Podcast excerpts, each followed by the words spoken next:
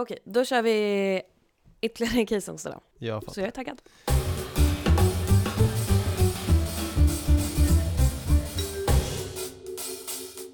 Varmt välkomna till Juristerna svarar.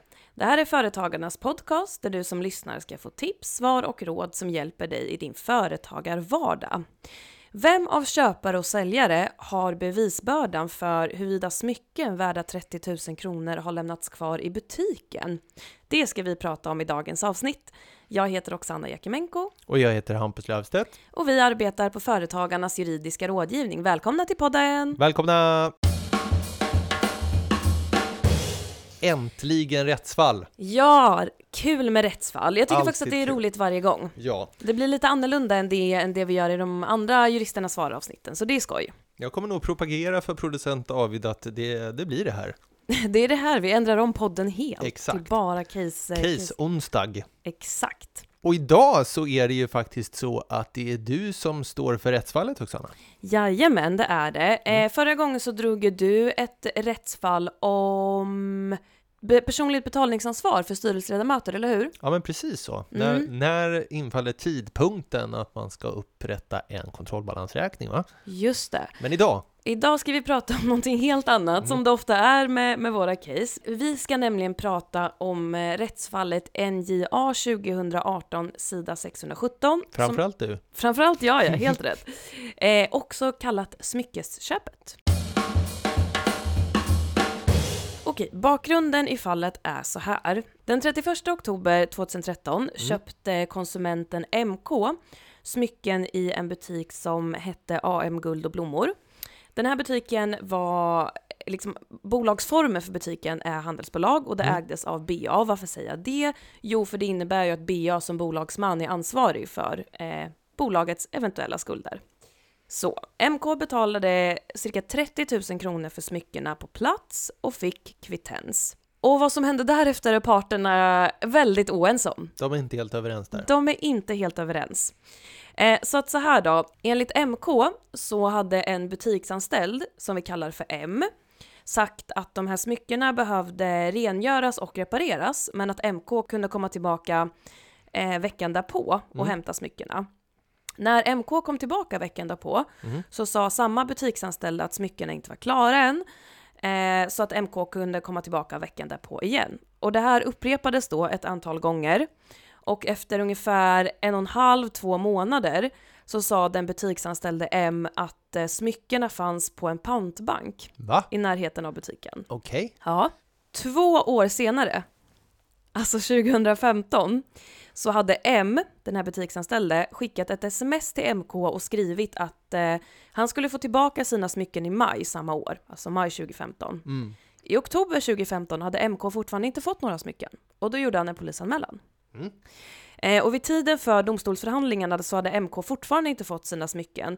Så han yrkade ju förstås på att BA då, ägaren för eh, butiken, skulle återbetala honom för smyckena plus ränta på det plus ersätta honom för rättegångskostnader. Och, och det här prövas ju då som ett tvistemål. Vad polisanmälan ledde till, det har jag faktiskt inte kikat på, utan nu fokuserar vi på själva tvisten. Och så till BAs historia om vad som hände då. Den är ganska kort. BA menar helt enkelt att smyckena lämnades över till MK i samband med köpet, alltså när han betalade för smyckena, och att hon därmed inte då är skyldig att återbetala köpeskillingen. Tingsrätten ansåg att BA hade bevisbördan för att smyckena hade getts till MK i samband med köpet Mm. och domstolen ansåg att hon inte hade bevisat att så var fallet, så MK fick rätt i tingsrätt. Hovrätten däremot ansåg egentligen tvärt emot. De ansåg att det var MK som hade bevisbördan för att smyckena inte hade lämnats ut i samband med hans betalning, Mm. vilket han inte kunnat styrka och därmed fick BA rätt i hovrätten. Så 1-1 kan man säga. Mm. Så att här har ju de här olika instanserna gjort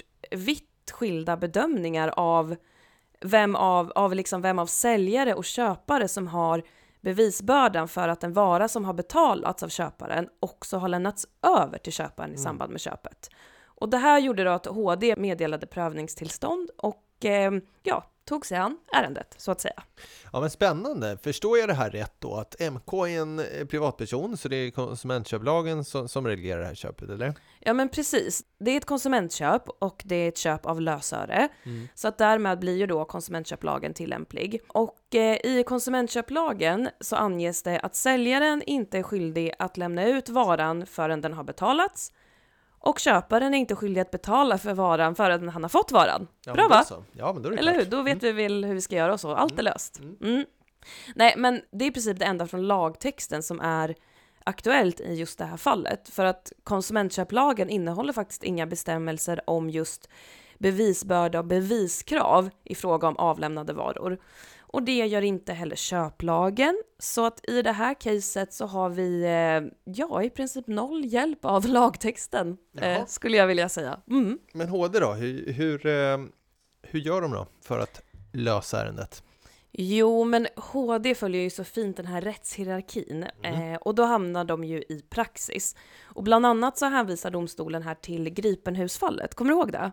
Vi har haft det tidigare, jag tror att det var jag som drog det du drog tidigare det. case onsdag, exakt. Men där stannar också mitt minne. Ah, ja, men det är helt okej, vi ska inte diskutera Gripenhus idag. Men, men varför jag tog upp det är för att de använder samma resonemang gällande innebörden av bevisbördans placering och beviskrav som mm. Gripenhusfallet.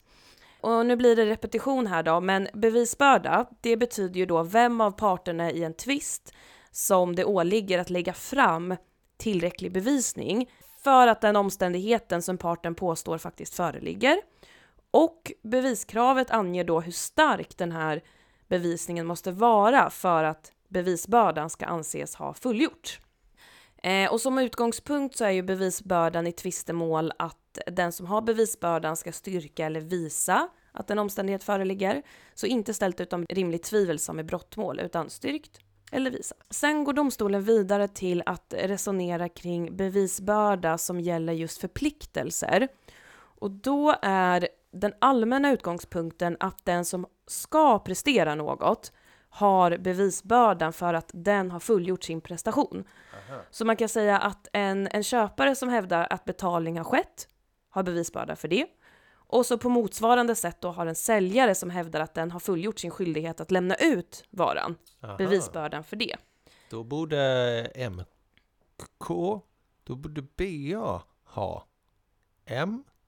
Ja, ja, ja, ja. Den, den som väntar får se, okay. vet du. Mm. Ja, men, men sen blir det ju förstås att eh, om den som har bevisbördan lägger fram tillräcklig bevisning som når upp till beviskravet så måste ju då motparten för att inte förlora målet förstås lägga fram egen bevisning som då talar för någonting annat.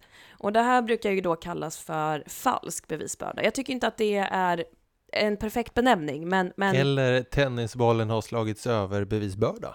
Det tycker jag var mm. mycket bättre. Mm, ja, tack. Tennisbollen har slagits över bevisbörda. Den har jag lånat av en gammal kollega. Ja, ja, den tyckte jag var bättre än falsk bevisbörda. Vi kör på det. Men vad hade parterna då i det här fallet för bevisning då? Jo, båda parterna hade åberopat eh, vittnen och viss skriftlig bevisning. Och det här var lite speciellt för att flera vittnen, oavsett vilken sida de var på så att säga, berättade att det fanns en skuld till MK, men det var oklart om det var butiksbiträdet M, bolagsägaren BA eller bolagsägarens man SA som hade skulden. Eh, och det var också oklart om den här skulden faktiskt hänförde sig till smyckena eller om den rörde någonting helt annat. Mm. Och här förstår jag att det kanske låter lite förvirrat. Jag har försökt sålla när jag har läst rättsfallet och man kan säga i korthet så, ja, det är vittnesuppgifter, alltså muntlig bevisning, men det styrks också till viss del av sms där man har benämnt en skuld då.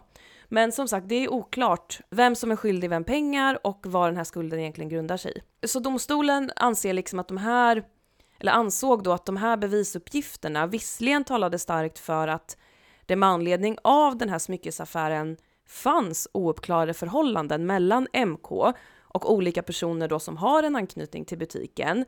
Men att det kan ha olika förklaringar och eh, anses inte styrka då den omständigheten att smyckena lämnades kvar i butiken så som mm. MK påstår. Eh, och den skriftliga bevisningen då, den bestod ju av eh, de här kvittenserna som MK hade fått när han hade betalat för smyckena. Men parterna har eh, helt skilda uppfattningar om vad de här kvittenserna innebar. MK å ena sidan vis- menar att kvittenserna visar just att han har deponerat smyckena i butiken för rengöring och reparation och för att visa att betalning har skett.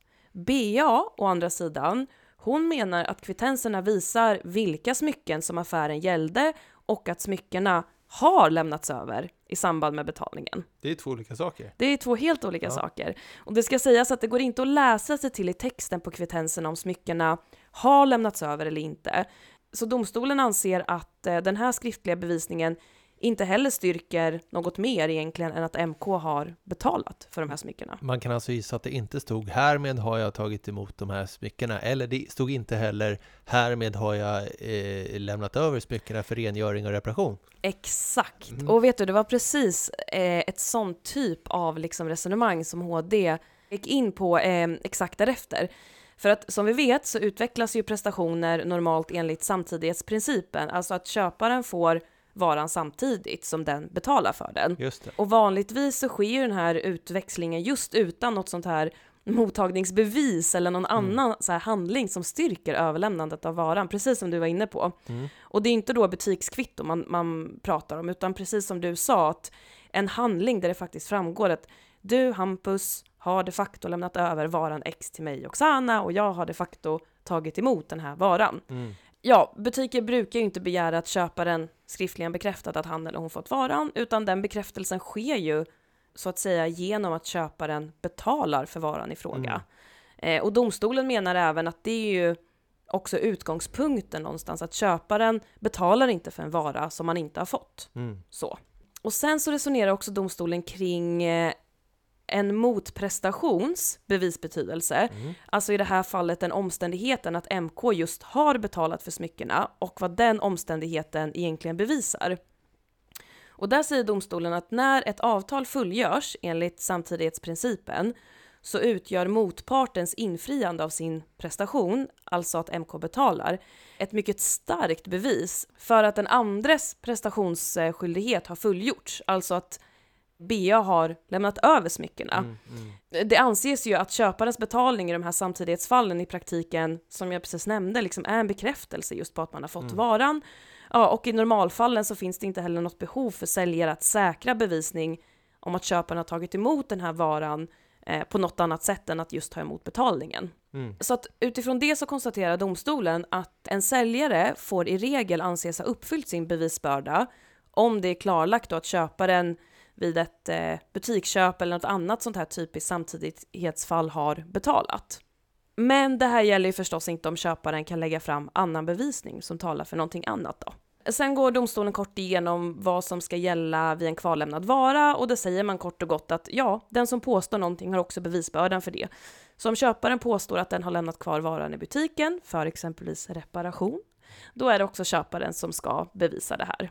Om jag bara stannar där, jag tror, kan du gissa utifrån det här eh, hur det gick för MK respektive BA? Då skulle jag gissa att eh, man inte ser det som att konsumenten har bevisat att eh, man lämnade kvar smyckena. Nej, men precis. MK lyckades tyvärr inte slå tillbaka tennisbollen över, över nätet. Jag förstår. Eh, utan HD konstaterar att den omständigheten att MK betalade för smyckena, det utgör ett starkt bevis för att smyckena också lämnades över till honom. Så säljaren BA har uppfyllt sin eh, bevisbörda.